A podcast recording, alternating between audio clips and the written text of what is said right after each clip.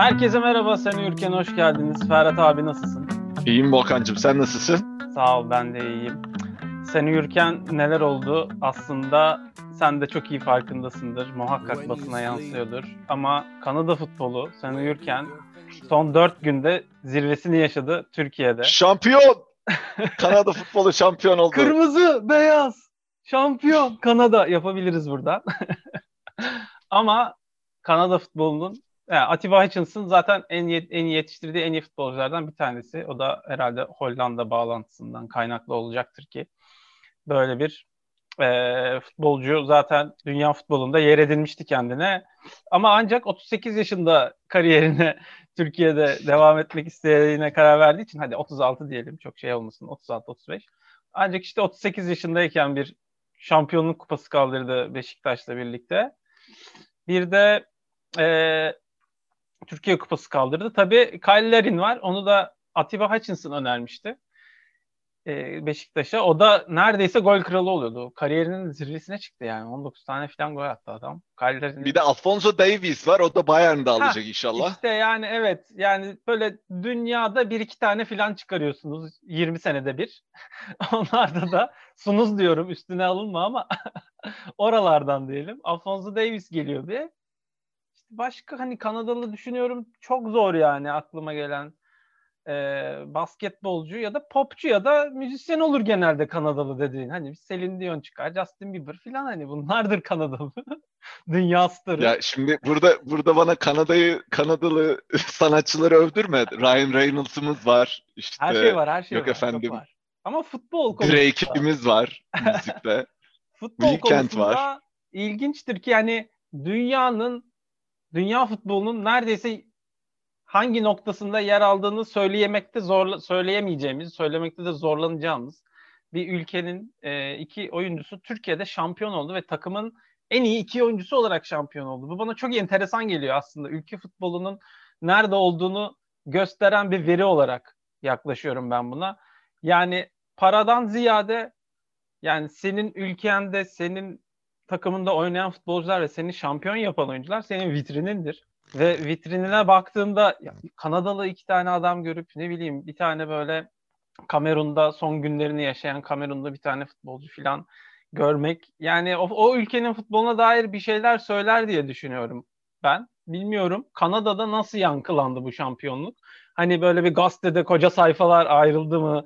Atiba Hutchinson şampiyon oldu falan kaptanımız. Larin gol kralı oluyordu. Efsane oynadı. İşte geleceğimizin golcüsü be. Milli takım çok umutlu filan. Gold Kupa Gold Cup'a katılacağız ve Amerika'yı yeneceğiz bu sefer gibi bir hava filan mı var mı orada? Öyle bir hava yok. Ee, Öyle bir tamam, hava yok çünkü Kanada'nın çünkü Kanada'nın birinci sporu hokey olduğu ve şu anda hokey playofflarına e, yaklaşıldığı için şu an bütün gözler hokeyde açıkçası. E, bir de e, Kanada geçen sefer bahsetmiştik. Özellikle benim bulunduğum eyalet biraz Covid'le mücadelede sıkıntı yaşıyordu. Kavada Kanada gaza bastı aşı konusunda ve şu an yüzdesel anlamda popülasyon aşılama konusunda Amerika yetişecek durumda. Yani inanılmaz bir ivmeyle e, herkes aşıyı konuşuyor biraz. E, dolayısıyla çok gündeme gelmedi. Ama e, Kanada futbolu zaten birazcık da Kanadalı futbolcular daha çok MLS'e gitme hayalleri olan e, futbolcular benim bildiğim kadarıyla. Çünkü hemen çok yakında ve zaten çoğu e, Kanadalı futbolcu da üniversite hayatını NCAA'de geçiriyor. Yani Kanada'nın kendi üniversitelerinden çok burslu NCAA'de e, oynamayı tercih ediyor.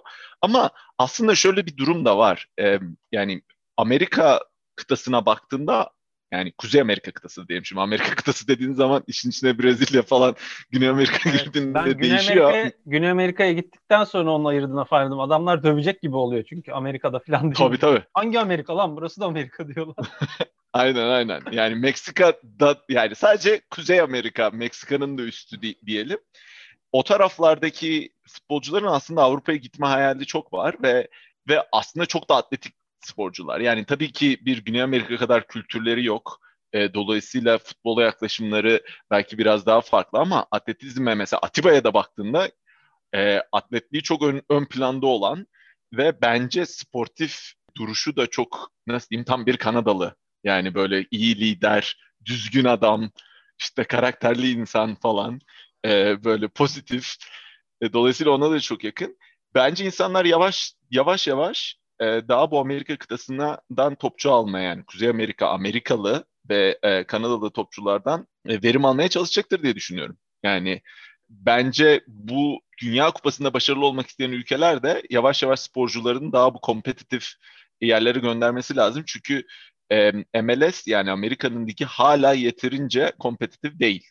Değil. Zaten bu arada Kyller'in Amerika'da oynuyordu. Amerika MLS'de oynuyordu yani. E, oradan Türkiye'ye transfer olmuştu. Onu da dediğim gibi Atiba aracılığıyla e, bir forvet arıyoruz. Ucuz olsun, güzel olsun, bizden olsun demişlerdi. Atiba hakkında şunu da ekleyeyim. Dikkatini çekmiş miydi bilmiyorum ama yanılmıyorsam son 1-2 senedir de yoga yapıyor. Hani o da Ryan Giggs'in yolundan gidiyor. Sportif açıdan, aile aile açısından hiçbir şekilde Ryan Giggs'le alakası yok. Ryan Giggs biliyorsunuz futbolcularının takım arkadaşlarının eşleriyle ilişkiye girme ya da kardeşin işiyle ilişkiye girme gibi böyle huyları var adamın. Biraz da şiddetli davranmış e, eski kız arkadaşlarına. Neyse Atiba örnek bir aile babası ayrıca. Sahada da performans açısından daha iyisini verebilmek için böyle bir örnek teşkil ediyor e, Beşiktaş takımı açısından da. E, zaten Atiba'nın hani burada bir senedir, bir buçuk senedir heykeli dikilsin falan deniyor ama Kanada'da mesela herhalde bir sokağa bile adını vermezler yani Atiba'nın. Atiba Hutchinson ne yapmış ki Kanada milli futbolu için? Yani bilemiyorum. Ben fazla abartıyoruz zaten Türkiye'de bu tür şampiyonlukları vesaireleri gelince yani adam işini yapıyor. Tamam Balotelli gibi işimi yapıyorum, gülmüyorum falan gibi tavrında da değiliz de yani Atiba Hutchinson işte yani daha ne söyleyebilirim ki fazla bir şey diyemiyorum. Ben çok abartıldığını düşünüyorum bir performansların. Daha da derine girmeyeceğim. Süper Lig'in bu ne kadar balon bir lig olduğuna ve aslında görünenden çok kötü bir lig olduğuna dair olan görüşlerimi söylemek konusunda burada susuyorum. E, bence şöyle kullanılmalı. Yani bu Atiba e, ve Atiba gibi değişik ülkelerden yani çok futbol ülkesi olmayan ülkelerinden Türkiye'ye gelip futbolcu olan yani başarılı olanların aslında böyle bir köprü görevi kurmaları e, iki ülkenin de e, böyle birbirini bilmeleri açısından da önemli bence.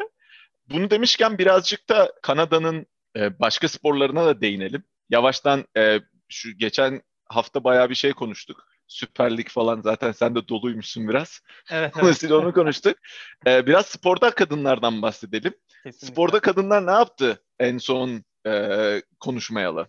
Yani ben Türkiye'den bir olaydan bahsedeceğim ama çok sportif yanıyla değil yine. Türkiye Futbol Kadınlar Ligi tamamlandı geçtiğimiz haftalarda. Beşiktaş şampiyon oldu. Tebrik ederiz. Beşiktaş'ın zaten bu konudaki maddi açıdan da güçlü olduğu bir durum var ortada. Gerçi muhteşem futbol oynayarak kazanmadılar ama yine de Beşiktaş'ın örneğin Kanadalı bir kadın futbolcusu da var. Bunu söyleyeyim mesela. Jessica Çarmıklı.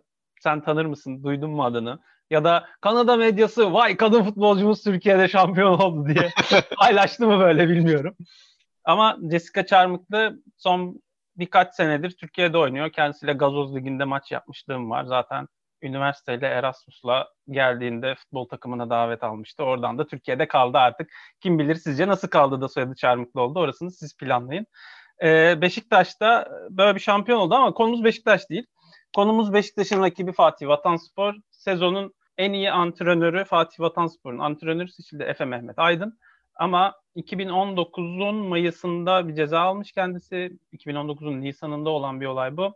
Ee, kadın futbolcularını 3-4 tanesine, 2 tanesine, 3 tanesine yanılmıyorsam e, saatler boyunca şiddet uygulamış ve bu yüzden de ceza almış birinden bahsediyoruz ve bu bu adama bu beyefendiye hem üniversitedeki görevine devam etmesi özgürlüğü tanınıyor şu anda hem de kadın futbolu liginin en iyi antrenörü ödülü veriliyor. Bu ödül alındıktan sonra biz öğrendik bu hocanın e, bu şiddet içerik olayın faili olduğunu.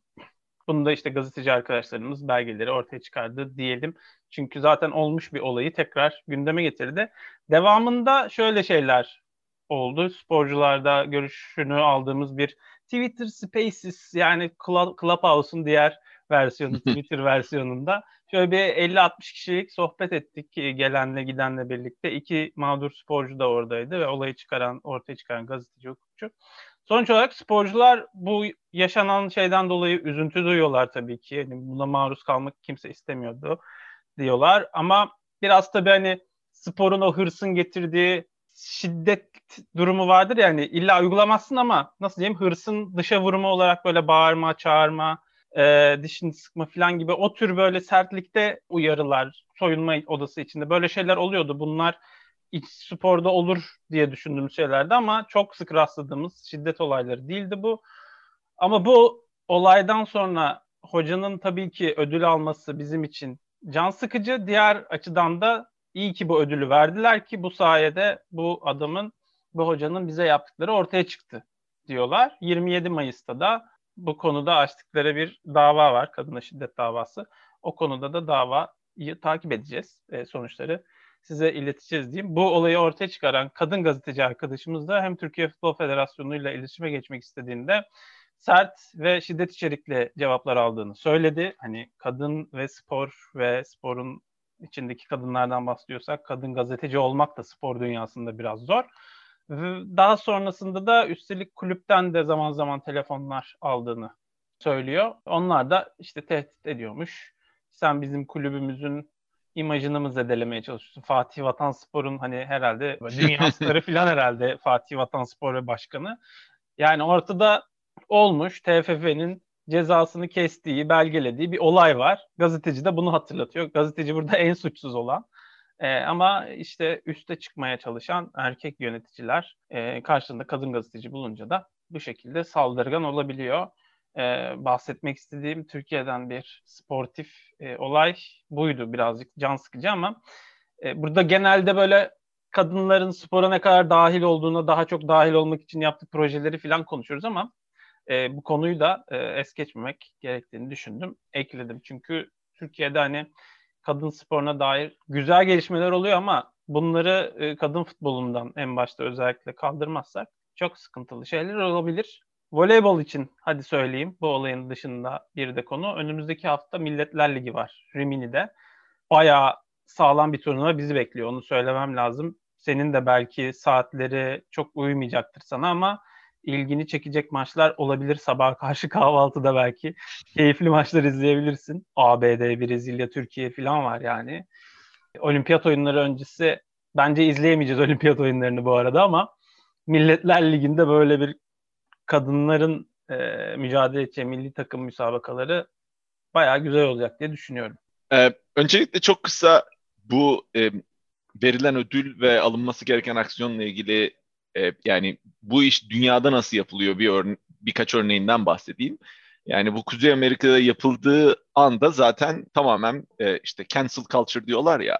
Yani tamamen cancel ediyorlar. Yani bunun işte böyle bir aman yok çok hırslıydı şöyleydi böyleydi falan filan gibi hiçbir açıklaması kabul edilebilir değil. Yani bunu yaş bu ortaya çıktığı anda yani hatta geçen geçen bir iki program önce şeyden bahsetmiştik. Yani Jimnastik Federasyonu'ndan bahsetmiştik. Yani ülkeye altın madalya kazandıran Jimnastik Federasyonu'nun başkanına kadar bu iş sirayet ettiği için e, yani böyle bir durumda o e, antrenörün yani ne görevinde kalması ne ödül almasını geçtim. Görevinde kalması ve diğer görevlerden de azledilmesi kesinlikle yapılacak tek yani aksiyon olurdu. Spor alanında daha fazla iş bulamıyor muhtemelen değil mi o kişi yani? Sen böyle kesinlikle bulamaz. Ve spor alanından artık uzak durmak zorundasın. Ne bileyim git markette kasiyer ol. Güvenlik ol bankada. Nerede olursan ol. Ama şimdi, şimdi mesela tartışılan bir şey de şu var diyorlar ki yani bu benim tasvip ettiğim bir görüş değil ama yani bu kadar sert bir şey bu adam nereden para kazanacak işte böyle hırsına yenik düşmüş bir ikinci şans bilmem ne falan gibi bazı görüşler oluyor dünyada. Ee, ama şöyle bir durum var.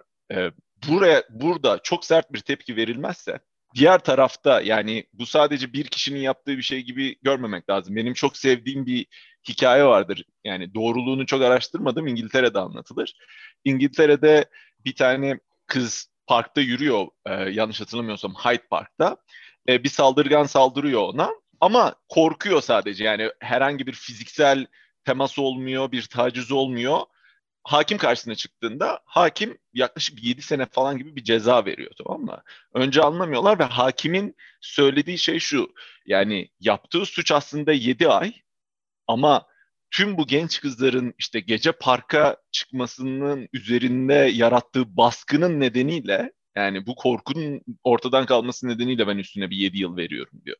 Dolayısıyla e, özellikle spora mal olmuş, burada e, işte ödül alma seviyesine çıkmış bir insanın bu tarz sorunları çıktığında alınacak aksiyon çok belli aslında. Çünkü ona yapılıyorsa bize de yapılır mantığıyla kanunlar ve e, kısıtlamalar bu şekilde işliyor. Dolayısıyla bu çok çok önemli ve Türkiye'de spora, yani Türkiye'nin birçok tarafına baktığında zaten asıl e, hadise bu. Yani bir hesap sorma kültürü yanlış yerlere bağlanıyor. Yani başarılıysa hesap sormayalım.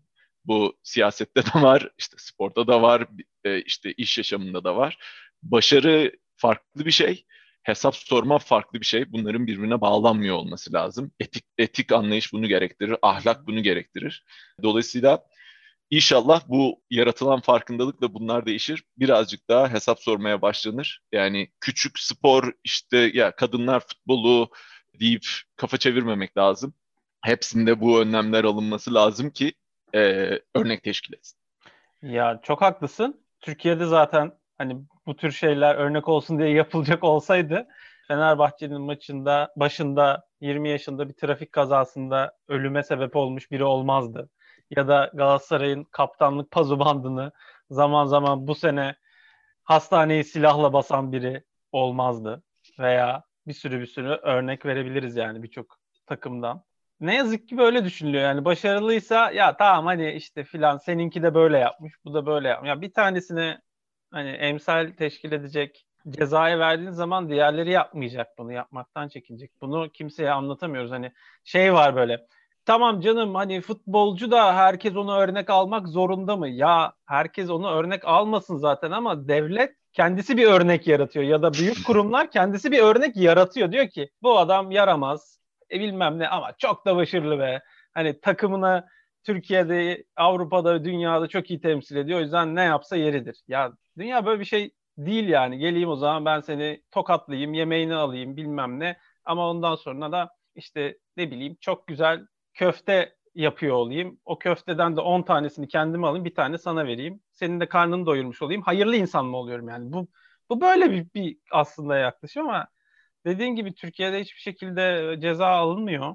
Keşke verseler de e, bu tür örnekler azalsa ama yani sen uyurken hani parantez açayım. Sen uyurken Türkiye bir mafya babasının hiç sporla alakalı değil ama bir mafya babasının YouTube kanalına kitleniyor yani abi hani artık bu haldeyken kimin ağzından neyin çıktığını duyuyorsun bir de ona inanıyorsun. Esas şaşırman gereken şey buyken sporda işte ona vurmuş da iki sene önce o ceza almış da niye ödül almış filan diye tartışmak biraz komik kaçabiliyor.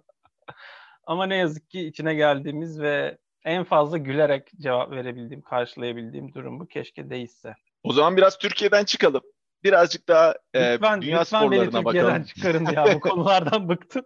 Sabah Sedat Peker izleyip akşam yok kadın futbolcu dövmüşler. Onun davası var. Biraz daha güzel hikayeler dinleyelim şu programda istiyoruz ve devam ediyoruz. Sen bu aralar bir kitap okuyorsun ve e, önemli evet, ben... çok çeşitli sporları da yapmış olan mı daha önemli yoksa bir spora yönelmiş olan mı daha örnek alınması gereken sporcu konusunda yanılmıyorsam böyle bir sporcuların tek bir spor mu çoklu sporu aynı anda yapması mı daha iyi sonuç veriyor gibi bir kitaptan bahsedeceğiz sanırım. Evet, bu spor geninden bahsetmiştik. Spor genin, geninin yazarı e, David Epstein'in yeni çıkan kitabı. Kitabın ismi Range. E, bu da aslında özetle şunu diyor. Bir uzmanlık, e, uzman bir, bir konuda uzmanlaşmış olanlar. Bir de generalist, daha çok işte her sporu işte birçok sporla uğraşmış olanlar gibi iki şey vardır. Bu aslında sadece sporda da değil. Yani e, aslına bakarsanız e, kitap aslında spordan başlıyor başka taraflara da gidiyor. Ama özellikle bahsettiği şey uzmanlaşmak mı sizi daha başarılı kılar yoksa daha generalist olmak mı? Ve gitgide e, bakarsanız dünyaya e, son herhalde 10-15 senedir bu uzmanlaşma olayı çok daha fazla gerek eğitim sisteminde e, gerekse iş dünyasında e, daha çok pompalanan bir şey aslında. Yani daha uzman ol, daha spesifik bir şey yap. İşte e, bu hatta tıpta bile işte e, nasıl diyeyim cerrahlar arasında falan böyle e, alay edilen bir konu haline gelmişti. İşte kulak cerrahı sadece kulakları işte ameliyat yapıyor falan gibi. E, gitgide e, özellikle işte sosyal medyanın da gelmesiyle beraber insanlar birbirinden ayrışmak için mümkün olduğunca daha çok uzmanlaşmaya çalışıyorlar. İşte ben yaşam koçuyum ama işte sabah yaşamın sabahki bölümünle ilgili taraflarını geliştirdim. Yok işte ben mühendisim ama şu tarafa gidiyorum gibi. Evet. Burada burada biraz pazarlama şeyi de olabilir mi? Hani ya da kendi yaptığı işi satmak için çünkü insan bir taktik olarak hani en iyi yaptığım şey bu. Ben bunda uzmanım. Tamam o da onu yapıyor ama o bunu böyle yapmıyor. Ben uzmanıyım gibi. Tabii tabii. Kesinlikle. Ya, işin içinde mi? pazarlama da var. Ve bizde de mesela yani hatırlarsan daha küçükken işte sporlara sporla uğraşırken falan hep benim ailemin üzerinde de bende vardı. E, oğlum bir tanesini seç yani işte yok basketbola da git, karateye de git, ona da gidiyorsun. Ben böyle gördüğümü işte ya, zamanında senin yaşın yetmeyebilir senden bir önceki jenerasyon olduğum için ben Genki diye bir çizgi film vardı hatırlar mısın? Genki'yi çok az hatırlıyorum haklısın. Boksör bir çocuk. Çok az hatırlıyorum. Yani çok da çok da acıklı bir öyküsü vardı. Adamın babası boksördü. Son final maçında boks yaparken ölüyordu falan filan. Yani şu çizgi film izliyorsun çocuğun babası ölüyor, boksör oluyor falan filan. Ben şuradan çok iyi hatırlıyorum. Abi Tsubasa'nın da babası sürekli gemilerle uzaklara gidiyordu artık bilmiyorum. Evet evet yani Babasız o büyüyen çocuklar hep böyle. Ne tür olması yaşatıyorsunuz abi bize? Aynen evet. aynen. İşte mesela şuradan çok iyi hatırlıyorum. El göz koordinasyonu hızlansın diye trenlere bakardı Genki. Trenlerde hızlı geçen trendeki insanları görebilirse o yumrukları görebilir falan öyle bir şey vardı. Hmm. Biz de tabii biliyorsun Bakırköy'de oturuyorduk. Gidip tren izliyorduk manyak gibi. Sanki. Sevinç dershanesinden Sanki görebileceğiz köprüden diye. değil mi böyle? Aynen. Dolayısıyla işte yok boks mu yapsak, jimnastik mi yapsak aman Namık Ekim vardı işte Bakırköy'de karateye oraya gidelim.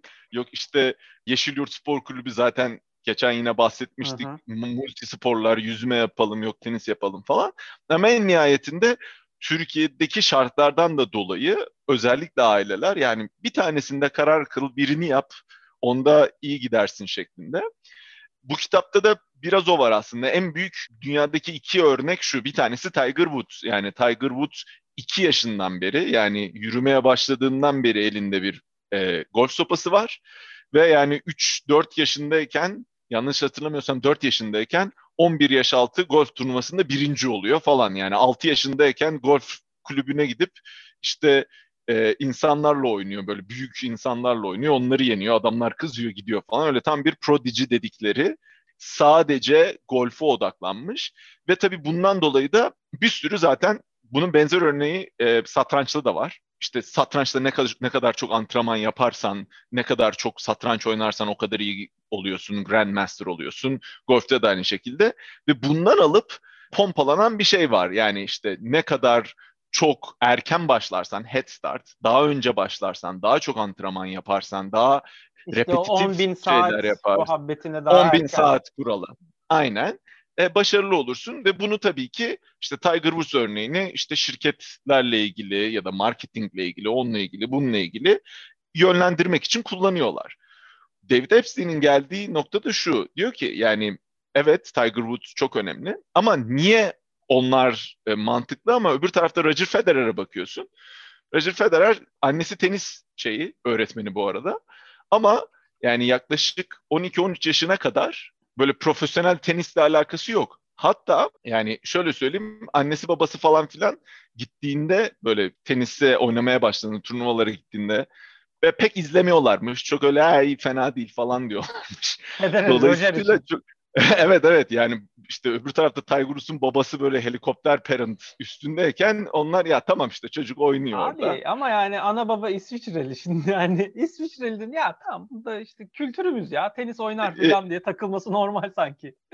ama önemli tarafı şu ne kadar erken yaşta sampling dedikleri bölümü yaparsa çocuklar yani sampling dedikleri başka Tekrar. sporlarla ilgilenirlerse ha, yani e, söylenilen şey şu. Evet bazı sporlarda bunlara ikiye ayırıyorlar. Bir tanesi kind environment dedikleri. Yani sonucunu bildiğin ne kadar çok tekrar yaparsan, ne kadar çok paternlerini e, örgülenmesini bilirsen daha iyi oynayabileceğin sporlarda erken başlamak ve çok repetitif antrenman yapmak çok önemli. Bunlar mesela nedir? Golftür. Buna girer. Çünkü golfte işte topun düştüğü yer, vurduğun açı yani sürekli Her şeyden değişmiyor. önce golfte kas hafızası çok daha önemli sanki. Aynen öyle. Öbür tarafta bunlar kind environment dedikleri. Bir de wicket environment var. Wicket dediğin şeyde kurallar sürekli değişiyor.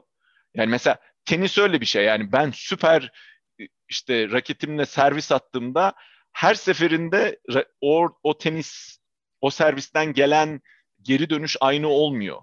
Kurallar işte e, stratejisi sürekli değişiyor. Özellikle takım sporlarında da bu şekilde.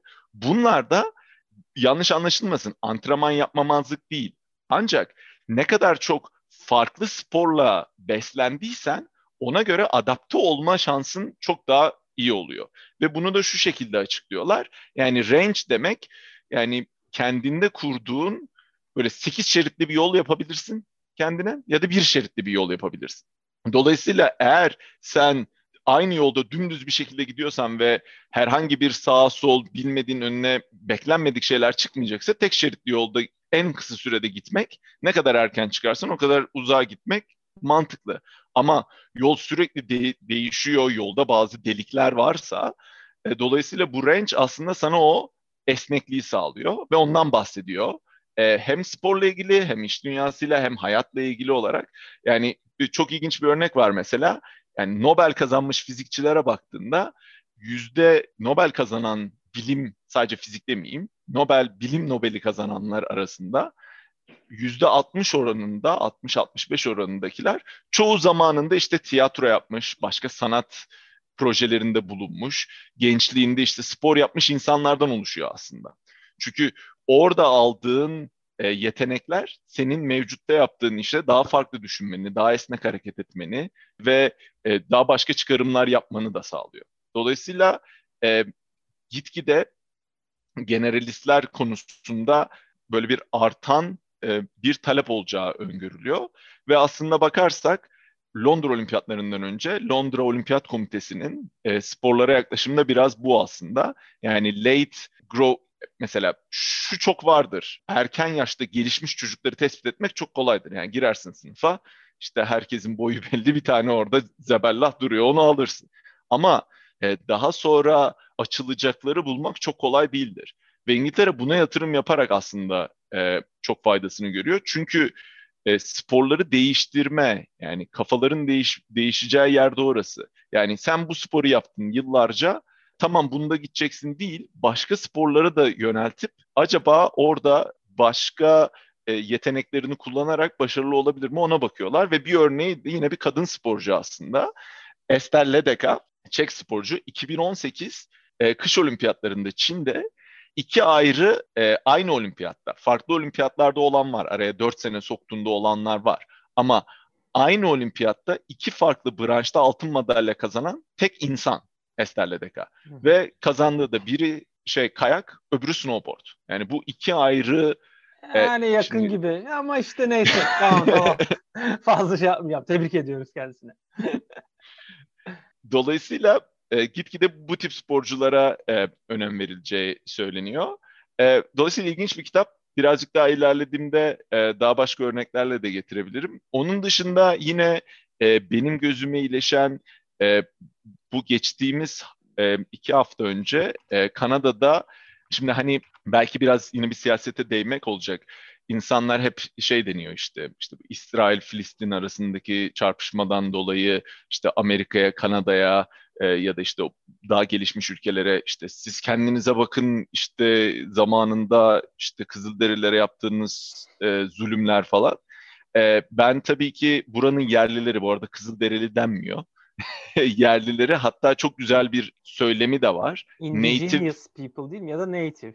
In, indigenous native çok kullanılan bir şey ama burada daha çok kullanılan First Nations. Yani aslında ha, buraya ilk gelenler. İlk gelenler. A, ilk gelenler anlamında ve First Nations'ı çok büyük bir nasıl söyleyeyim yaptıklarına ki yapılanlara baktığınızda işte zamanda asimilasyon yapılmış okullarına ve Kuzey Amerika tarihine baktığınızda bir sürü savaşlar oluşuyor. Amerika İç Savaşı oluyor, Kanada'nın işte bağımsızlığını ilan etmesi, bütün olaylarda hep en kötü durumda kalan maalesef First Nation oluyor.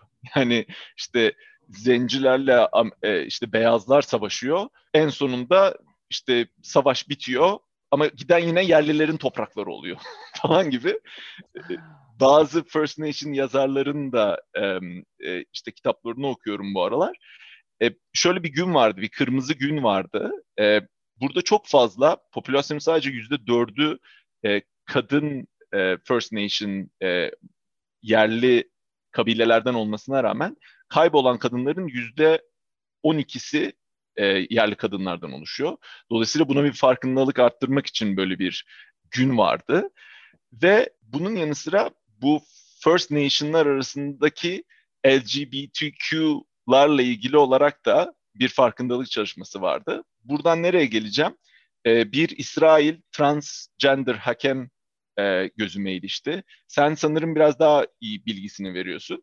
E, oraya geçmeden önce sadece şunu söyleyeyim. LGBTQ ile ilgili olarak Kanada, e, Kuzey Amerika yerlilerin kullandığı tabir benim çok hoşuma gitti. E, two spirits diyorlar. Yani dolayısıyla burada LGBTQ değil, two LGB, two SLGBTQ plus gibi bir açılım oluyor.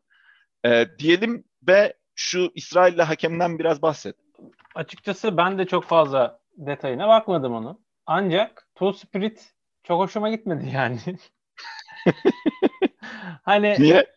Yani ne olduğunu anlamadık ama hem olsun hem busun tamam hadi kabul ettik gibi bir işin içinden çıkış gibi geldi. Two Spirit. Yok öyle değil yani. Two Spirit şöyle aynı beden onlarda hep spirit işi olduğu için işte aynı bedende iki spirite sahip. Ya e, anladım e, tabii de onun demek istediklerini dediğim gibi pek hoşuma gitmedi yani. O bile tam kabullenememişler. Aslında o tek bir birey yani. Hani Evet o açıdan bakarsan doğru.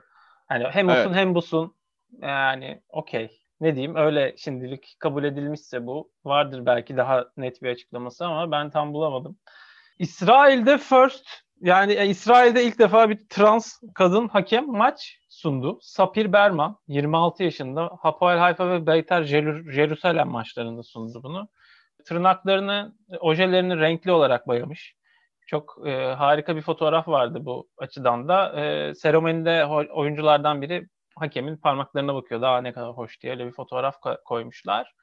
Yani tarihte ilk olduğu gibi İsrail'de de bunun olmuş olması ayrı bir mesaj belki de tüm dünyaya. Türkiye'de benzer bir hakem hikayesi var aslında. O da eşcinsel olduğu ortaya çıkarıldığı için hakemliğini yapamamaya başlayan bir hikaye. Halil İbrahim Dinç da hani İsrail'de bir trans hakem, Almanya'da bir kadın hakem ilk defa maçlar sunabiliyor veya yönetebiliyor veya Türkiye'de oynanan bir maçı bir Fransız kadın hakem iki İngiliz'in arasındaki maçı yönetebiliyor ama Türkiye'de henüz eşcinsel olduğu ortaya çıkana kadar rahat rahat maç yönetebilen bir insan bir anda bu konuda bilgi sızdırıldığında maç yapmasına engel olunabilen bir duruma düşebiliyor. İsrail'deki bu durum hakkında en fazla söyleyebileceklerim bu kadar. Yani iyi bir örnek olacaktır. Uluslararası açıdan ne kadar değerlendirilir ve maç bulabilir onu bilemiyorum tabii ki. İsrail'den UEFA'ya giden takımlar olduğu gibi hakemler de olabiliyor.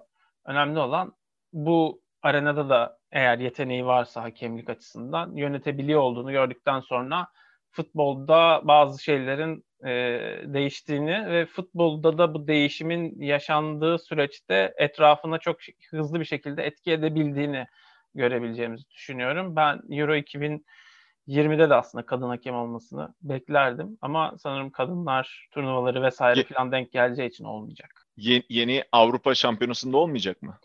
Ben hatırlamıyorum böyle bir şey olsaydı aklımda kalırdı diye düşünerekten bunu söyledim ama Euro 2020'de olmayabilir hani kadın... E... 2020'de olmasın zaten 2021'deyiz çünkü. ama Euro işte, 2020 ertelendi çok, diyor değil mi? Evet 20, 2020 diyoruz ama bunlara çünkü o şekilde markalaştırılıyorlar her sene her seferinde. O yüzden UEFA Euro 2020 slash 1 yazıyorum ben bazen. 20 mi 21 mi belli değil. Orasını siz var, karar verin. Çünkü Peki bu yaz ne izleyeceğiz Volkan?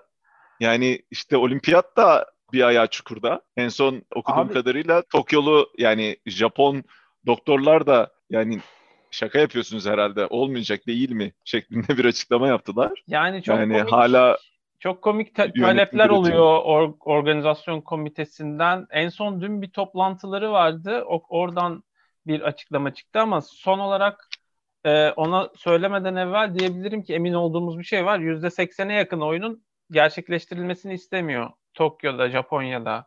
Tokyo'da zaten şu ana kadar hala olağanüstü hal devam ediyor. Sapporo'da devam ediyor. Yanındaki bir sürü işte irili ufaklı Chiba'dır vesairedir. Kasabalarda bazı etkinliklere, bazı oyunlara ev sahibi olacak kentlerde sıkıntılar var. Ama yine de Thomas Bach Olimpiyat Komitesi Başkanı e, veya Japon e, Olimpiyat Organizasyon Komitesi Başkanı vesaire bunlar hep oynatalım oynatalım istiyorlar.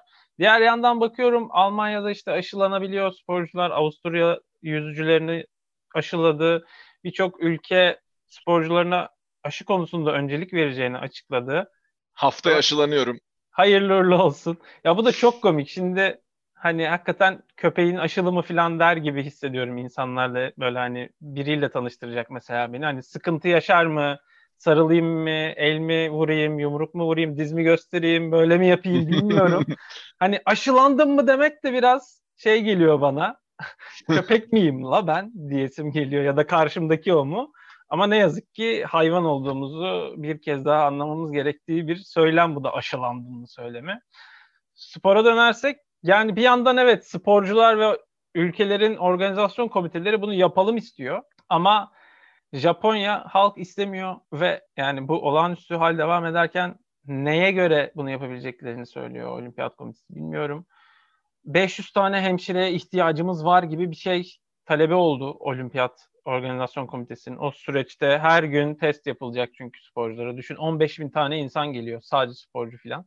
Bir de onların yanında bunun organizasyon ekibi var. Yok işte bilmem ne temsilcisi var. O su var, bu su var, masörü, ızır vızır derken bu insan sayısı çok artıyor. Şimdi hatırladım Thomas Bach'ın ne dediğini. Olimpiyat köyünde kalacak herkesi aşılayacağız demiş. De yani olimpiyat Turistin köyü... göreceği herkesi aşılayacağız gibi. Köyü gören herkesi aşılayacağız. Şöyle bir maske Ama... takın bir de biz örnek verelim size. I am vaccinated diye aşılandım diye geçsin millet. Ben şeyi çok merak ediyorum. Şimdi birçok aşı var. Her aşı her ülkede register almadı. Söyleyeyim Doping... oradaki konflikti. Mesela Çin aşısı Japonya'da geçmediği için Japon atletler e, bundan yararlanamıyor. Almanya'dan ilaç bekliyorlar. Diğer yandan da eğer Çin aşısını olmuşsan Japonya'ya olimpiyata gidemiyorsun filan. Çünkü kabul etmiyorlar. Hayır doping testlerinde ne olacak? Bir de şimdi yani eminim bir de işte ya ben Çin aşısı yaptırdım. Biz bilmiyoruz. Çin aşısının böyle bir şey oluyormuş. Doping yok arkadaşım falan gibi yani birçok başka tarafı da açacak. Çünkü şu an mevcut aşıların ben zannetmiyorum ki işte e, eminim doping tarafında çalışmaları yapılıyordur. Yani bu hangi do, hangi aşıyla doping gittiğinde baskılanıyor gibi şeyler mutlaka yapılıyordur. Ya da şunu nasıl engelleyecekler? Yani ya ben Covid geçirdim çalışırken antrenmanlarıma hastaneye gittim bana bu bu bu ilaçları verdiler. Ben bilmiyorum ben kendim almadım mı diyecek yani. Yani zaten um, sanırım bugüne kadar da doping sayılabilecek ilaçlar eğer senin bir hastalığına tedavi amaçlı gerekliyse Simon Biles'ta olduğu gibi yanılmıyorsam jimnastikçi. Hı. Onda da işte neydi? Rusların Pembe Ayı grubu muydu? Bir hack grubu vardı. Onlar da bu doping olayından sonra Amerikalı sporcuların dopinglerini çıkarmıştı. Ama o şey demişti hani ben bunu olimpiyat komitesine bildirdim. Benim bir rahatsızlığım var. O yüzden bunu kullanıyorum. Muhtemelen bu tür e, şeyler olacaktır diye düşünüyorum. Ama hani zaten şimdi dop, doping dünyasında biliyorsun kullandığın dopingi bulamıyorlar zaten. Yani evet, buldukları evet. şey onu baskılamaya yarayan anladım, ilacın anladım bir trace'ini buluyorsa bulamıyorsa. Anladım Şimdi bu Covid dünyasında kullanılan ilaçların do- doping baskılamaya yarayıp yaramadığı ile ilgili bir çalışma yaptıklarını ben düşünmüyorum şu an. Dolayısıyla bu da aslında bu konuda çalışan varsa ki elbet vardır böyle bir para spor denkleminden bahsediyorsak bu da bazı soru işaretleri uyandırıyor bence yani. Belki yüzme sporuyla alakalı değişik bir izlek yapılabilir bu konuda. Çünkü Covid ciğerlere etki eden bir şey. Bilmiyorum aşı ciğerlerin daha fazla güçlü olmasını vesaire iyi çalışmasını sağlıyorsa belki ciğerleri büyütüyorsa filan böyle e, o açıdan belki dünya rekorları filan kırılırsa olimpiyatlarda eyvah diyebiliriz sanırım. Valla yani hadi olimpiyat sallantıda diyelim. Olimpiyat dışında Avrupa Şampiyonası'nı izleyebilecek miyiz? Avrupa Şampiyonası'nı izleyebileceğimizi düşünüyorum. Ben daha mesela Almanya açısından söylersek aşı olmadım. Olabiliyorum ama şu anda. Mesela demin bir arkadaşım mesaj attı. Herkes kendi aile doktorundan randevu olup aşı, aşı olabiliyor bu arada mahallesinin doktoru. Aşı aile karşıtlığı doktoru. var mı çok Almanya'da?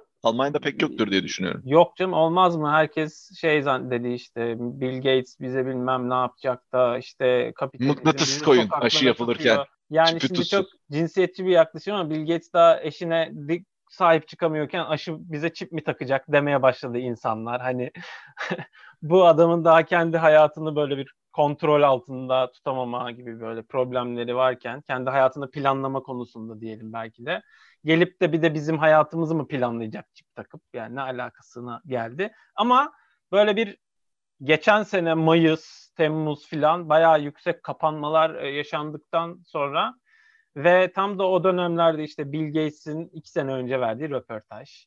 Bilmem kimin dokümanteri, işte Netflix'in belgeseli yayınlandı işte Bill Gates. Oradan Bill Gates, Aa işte o Bill Gates filan. Yani adam belki vizyonermiş ve hani geçmişe bakmış. Afrika'da salgın olmuş. E, dünyada AIDS diye bir salgın olmuş. Başka dönemler başka diye başka ülkelerde başka salgınlar olmuş. Ve demiş ki ya ya bütün dünyayı sararsa bu deyip belki bu yöne yönelmiş. Adamın zilyon tane parası var. Ne yapacağını nereden bilsin o parayla? Belki dünyaya Windows çok hayırlı olmadı ama belki bir aşı yaparsak daha hayırlı olabilir diye düşünmüş olabilir. Yani iyi ya, niyetle yaklaşıyorum ben bu Bill Gates'in girişimine. Buradan izledin hani... mi sen bu arada? Yani ben bayağı hem o belgeseli izledim hem TED konuşmalarını falan Netflix'in izledim. Netflix'in belgeselini diyorsun değil mi? Netflix'i de izledim. Ha. Netflix'i de izledim. Ee, öbür tarafı da izledim. Yani ben sana şu de... kadar diyeyim ya. 2019'un başında galiba ya da 2019'un sonunda tam hatırlamıyorum. 2019'un başı da olabilir. Serdar Kuzuloğlu'yla Yuval Noah Harari de röportaj yapıyor. Serdar Kuzuloğlu diyor ki belki bir salgın çıkar gibi böyle bir laf ediyor tamam mı röportajın bir tarafında. yani ne diyeyim şimdi Serdar Kuzuloğlu mu komplo teorisyeni orada ağzından mı kaçırmış diyeyim. Evet yani demin dediğim gibi izlediğim için adam diyor hani önümüzdeki dönemde bir salgın olabilir başımıza bunlar gelebilir filan yani. Röportaj bu verdi. Ki 100 yılda bir ya, de olabilecek bir şey olmuş. Ya bununla ilgili de mesela geçen ya şöyle bir durum da var. Katastrofi diyorlar ya bu işte pandemi olsun, işte earthquake olsun falan, e, işte doğal afetler ya da insan yapımı climate change ile ilgili olarak, iklim değişikliği ile ilgili olarak. Yani işte biz iklim değişikliğine odaklanmışken pandemiden gol yedik. Şimdi çünkü iklim değişikliğiyle ilgili herkes bütün kaynakları falan oraya yatırırken pandemi, pandeminin yayılması aslında Bill Gates'in söylediği şey de o. Yani dünyanın büyük bir bölümünde böyle bir şeyler yaşanıyor. Bu artık eğer çok ölümcül olmazsa mesela çıkarılmayan dersler var aslında konuşulanlardan biri o. Bundan önceki virüs işte SARS virüsü çok daha ölümcül bir virüstü Çin'de çıktığında. Evet. Çok ölümcül olduğu için yayılamadı aslında. Yani Çıkar çıkmaz e, öldürdü çünkü herkesi. Evet yani ölenlerde ölenlerin yanına gidip yatmayacağın için ya da ölenler çok uzağa gidemeyecekleri için. E, dolayısıyla o daha konserv bir yerde kaldı. E bundan, e, bu SARS virüsünden kim ders aldı? Ders alan ülkelere bakıyorsun. Çin'in yakınında olan ülkeler Tayvan ve Güney Kore. Covid ile ilgili en iyi aksiyon alan ülkelere bakıyorsun yine Tayvan ve Güney Kore. Çünkü SARS'tan aldıkları bilgiyle yani ne yapıyor adamlar? Ne yaptılar ilk başta? Tabii ki bu arada şu hala e, şunu da söyleyeyim. Virüsün orijini hala belli değil bu arada. Hala o araştırılıyor. Evet. Yani işte adam yarasa çorbası içmiş bilmem ne carçut deniyor ama yani gerçekten doğal bir şekilde mi çıktı yoksa e, bir labdan mı çıktı o hala konuşuluyor. Bu arada işte, labdan çıkması labdan çıkmasını da şey olarak düşünmemek lazım sadece. Yani işte bunu yaptılar, saldılar, dünya falan değil. Yani böyle bu tip virüsler üzerinde deney yapan bir sürü lab var dünyada. E, Ve buradaki bir laboratuvarlardaki olabilir diye. O laboratuvarlardaki işte bu konuda bilgilendirme yapalım diyen Çinli bir doktor varmış. Onun o günden sonra hayatta olmaması, bir şekilde kaybolmuş olması da bu konuda hani komplo teorilerini biraz arttırıyor. Hani vay Çin işte Amerika'ya geçmek istiyordu, ekonomisi büyüyordu, Avrupa'yı birazcık dövelim, oradan da virüsü yayalım, Amerika bilmem ne ölsün gitsin filan. Biz zaten bir milyarız, bir buçuk milyarız. Biz de ölse ölse yüz milyon insan ölür filan diyerekten böyle bir risk mi aldı gerçekten? Kafaları hakikaten böyle mi çalışıyor? Onu bilmiyorum ama insanlar buna inanıyor hakikaten. Kesin yapmışlardır filan vesaire diye ama sadece şu ana kadar dünya üzerinde 3 milyon insan öldü. Yanlış hatırlamıyorum. 3.3 milyon insan öldü. Yani e, aslında 1970'lerde e, bir tane daha bir e, virüs hatta polio vardı. Onun yanında yine böyle bir influenza virüsünden bir pandemi olmuştu. E, yanlış hatırlamıyorsam 70'li yıllarda. Hatta bununla ilgili işte rock şarkıları falan var 70'li 80'li yılların başlarında. Ve o zaman o virüsün bir farkı da çok fazla genç nesil öldürüyordu. Yani hmm. ölüm sayısı çok fazla olmamakla birlikte mesela şöyle bir deney yap, e, şöyle bir karşılaştırma yapmışlar. Sonuçta insan yaşamına mal olma diye de bir gösterge var. Yani 18 yaşında birinin ölmesiyle 65 yaşında birinin ölmesinin aradaki e, yaşayabilirlik zamanı ve dünyaya verebileceği katkı olarak baktığında işte Covid'den 3.3 milyon kişi öldü ama bunun işte atıyorum %80'i 60 yaş üstü. Öbür tarafta sadece 1 milyon kişi öldü ama bunların çoğu 18 yaşındaydı gibi bir e, karşılaştırma Aynen. yapıldığında da onun ne kadar büyük olduğu gözüküyor. En nihayetinde özet şu. Ülkeler ders almıyorlar birbirlerinden ve bununla ilgili olarak da biz şu an hepimiz pandemi acaba bir sonraki bir şey gelebilir mi diye bakıyoruz. E, ve gitgide de e, bu bilgisel bilgi e, dağılması nedeniyle de bir korku var. Ama 1970'lere falan baktığında insanlarda şöyle bir şey var. Yani bizim 1-200 jenerasyonumuz evet abi dünyada böyle afet olur, işte şey olur, o olur, bu olur. Ama bizim bu dönemde özellikle hem kendimiz nasıl, sen nasıl kendi hayatınla ilgili bir ekonomi yaparken işte bu para yemem için, bu para gelecek için, bu para işte aman başıma bir şey gelirse sigorta olsun falan diye yaparken yani şunu fark ettik. Ülkelerin çok da iyi bir sigorta planları yokmuş. Yani ee, bir tek ve... Almanya'yı buna belki koyabiliriz. Hani çok sigorta bir şey yaptılar diyemem ama 2003'te zamanında bunun önüne geçebilmek için bir 2003 ya da 2013'te bir rapor hazırlanmış, plan konulmuş neyi nasıl yaparız, hangi şirk, hangi fabrikayı neye döndürürüz? Yani burada bazı fabrikalar sadece o entübe makinesi üretti belli bir dönem. Bazı fabrikalar başka bir şey üretti. Fabrikaları böyle kullanıldı veya nereyi nasıl şey yapabiliriz getirdiler. Hastaneye döndürürüz. Bir sürü bu tür hızlı aksiyonlar alındı. Şu anda dönersek de çok daha fazla salgın ve aşı konusuna girmiyorum. Lafını böldüm biliyorum. Çok özür dilerim. Ayıp ettim ama o konudan çıkmaya... Yok yok evet yani buraya girdik mi çıkamıyoruz nedense. Evet, Dolayısıyla Almanya'ya, Almanya özeline gelirsek işte Almanya'nın hani o isyan eden şey insanlar vardı aşı karşıtı. İnternette Google'a bakarsan meclisin kapısına kadar bastılar filan hatta neredeyse giriyorlardı vesaire. Yani ABD'deki gibi saçma sapan bir şey oldu. Ama onlar zaten e, şey yabancı karşıtlığı üzerinden de böyle işte aşı yabancılar getirdi bilmem ne Suriyeliler onlar bunlar diye böyle bir sağ damarı da pohpohlama gazı da vardı bu süreçte. Almanya'da dediğim gibi aşılanma şeyleri artık neredeyse herkese açık, rahat bir şekilde uygulanabilir. Aradığında hemen randevu alabiliyorsun. Birçok arkadaşım aldı, alabiliyorsun. Dolayısıyla Ama turnuva olacak yani. Turnuvanın yapılacağı Evet, turnuva olacak. Almanya'da muhtemelen de devam edecek. Yani Almanya'da hiçbir sıkıntı yaşanacağını düşünmüyorum. Çünkü Bavyera eyaletinde oynanacak maç. Münih'te sadece. Ve Bavyera eyaleti kendi kararını alabiliyor. Kime nasıl aşı yapabilecek konusunda eyaletlerin özelliği e, sözün olayından dolayı. Aldığı son karar da şu ki artık aşı randevusu almak konusunda bir yaş sınırı yok. Herkes istediği gibi aşı randevusu alabiliyor. Bu da eyaletin daha hızlı aşısını herkese sunmasını sağlayacak. Bu da demek Peki, oluyor ki gelen ülkeler... maçlar için ülkeye gelen taraftarların da bir problem yaşamayacağını tahmin ediyoruz. En azından orada yaşayan Mesela, insanlar bir problem yaşamayacak. Mesela Rusya var mıydı Avrupa Rusya şöyle var. Hatta daha dün ya da evvel, dün ya da evvelsi gün konuştum e, uzun süre. St. Petersburg'daki arkadaşlarımla yazıştım. Konu da şeydi hani St. Petersburg'a gelsem mi Euro 2020'yi izlesem mi orada diye. Çünkü eskiden Üç tane maç vardı orada ama Dublin e, ve Bilbao ev sahipliği yapamayacağını söyledi. Bilbao'daki maçları şeye aldılar, seviyeye aldılar. E, bir kısım maçı St. Petersburg'a verdiler. O yüzden maç sayısı 7'ye arttı Rusya'da. Londra'da da 8 tane oldu. 3-4 taneydi, 8 tane oldu maç sayısı Londra'da da attıktan sonra. Petersburg'daki arkadaşlarım şeydi yani burada hiç kimsenin umurunda falan değil dedi aşı yani. Ya aşılandım mı aşılanmadım Sputnik. mı umurunda değil dediler aynen.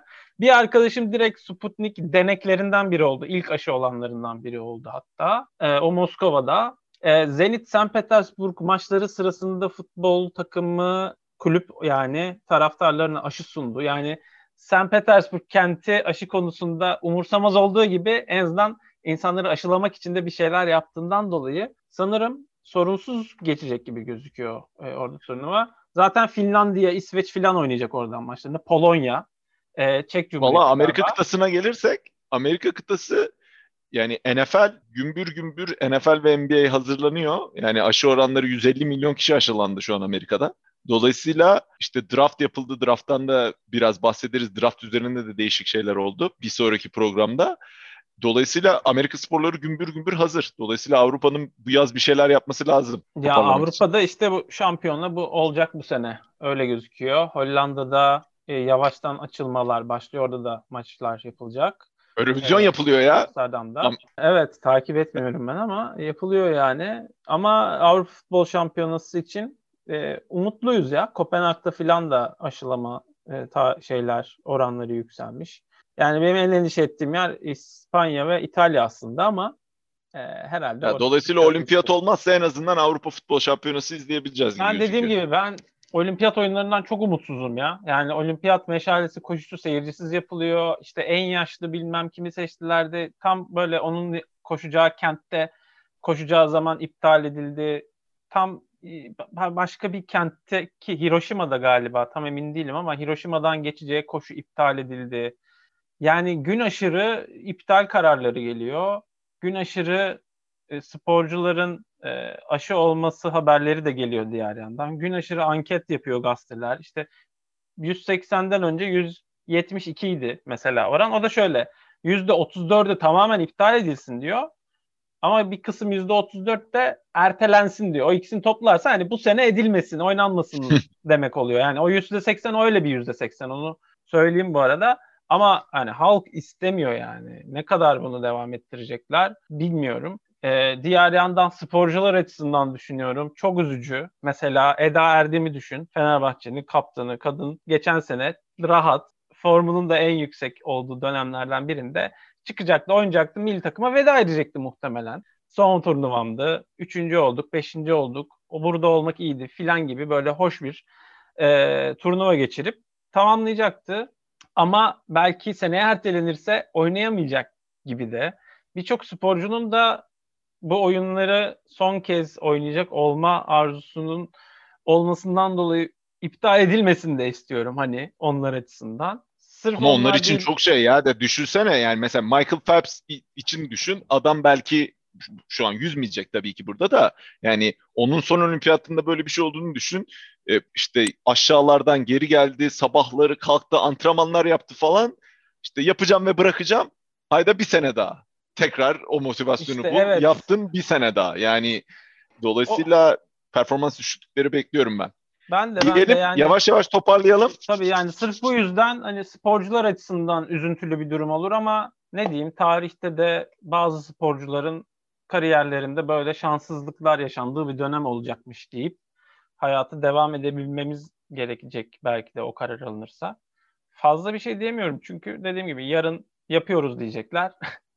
Sonra 23 Temmuz olacak. Yapamıyoruz diyecekler. Niye? İşte geldiler hop bilmem o 20 tane sporcudan şey oldu, yayıldı vesaire. Ya Amerika'da şöyle bir yazı çıktı geçenlerde New York Times'ta.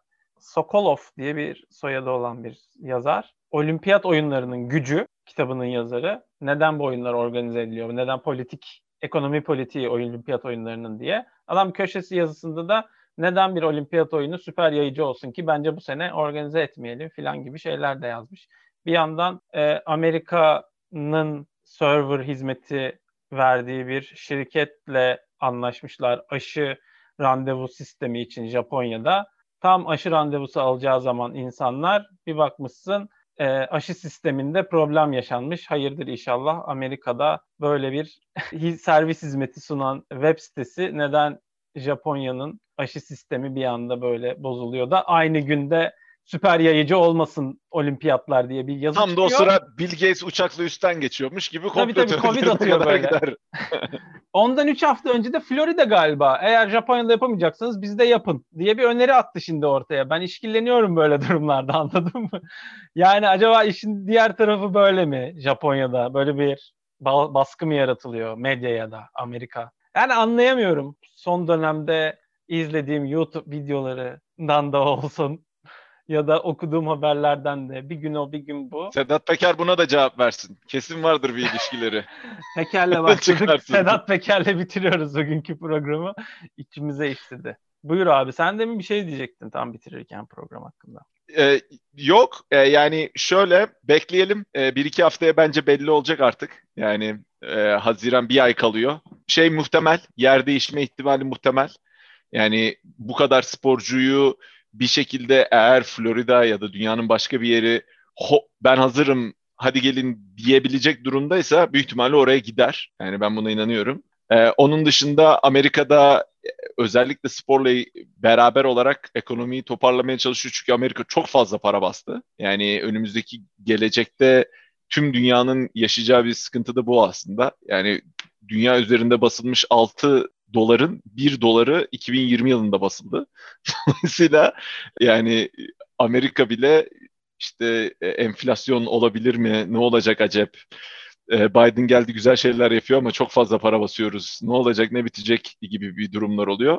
Dolayısıyla eğer öyle bir opsiyon varsa ve Tokyo yapamayacak gibiyse Amerika'da olursa da şaşırmam açıkçası. Ben de şaşırmam. Ama son bir önerim var. Eğer Tokyo'da yapılamazsa Tokyo'daki olimpiyat oyunlarının yapılmasına e, en hazır yer şu anda hepimizin çok iyi bildiği yer ve çok iyi bir organizatörü var onun da. Dominik Cumhuriyeti'nde Acun Ilıcalı'nın hazırlayacağı bir olimpiyat oyunları bence çok iyi olur. Televizyon kanalı da hazır abi. Parkurlar da hazır. Valla plaj voleybolunu oynatırsın orada. Plaj futbolunu da oynatırsın. Neden olmasın yani. Hatta 3 adım atlama da yaparsın. Kum var abi. Hazır. Atla işte. Koy pisti. Yüzmeyi yap. Kayağı yap ne bileyim kanoyu yap, hepsini yap. Neden neden onda, yani? Onda olimpiyat komitesiyle eksen anlaşamazlar ben sana söyleyeyim. TV8'de böyle. Eksen'de de şey yayınlarsın, tekrarları yayınlarsın işte. Live stream'den. Yani en sonunda ona varacağız abi. Sedat Peker'in devlet çökerttiği bir ülkede, dünyada olimpiyatları da Acun düzenlesin demek bence gayet makul. Valla ona bakarsan Acun'un eski işte yeteneksiz Türkiye jürisi de Beşiktaş'ı şampiyon yaptı. Yani aynen. Öyle bir detayı da ekleyebiliriz. Çok haklı bir detay geldi buradan. Evet programı burada bitiriyoruz. Yine güldük, eğlendik. Zaman zaman kadın futboluna, kadın sporuna e, da değindik. Bugün biraz olimpiyat oyunları ve aşı teorileri üzerinde de konuştuk tabii ki. Önümüzdeki hafta programda görüşmek üzere diyelim. Görüşmek üzere. Kendine çok iyi bak Volkan'cığım. Eyvallah sen de şimdiden de aşıların hayırlı olsun. When you sleep, where do your fingers go?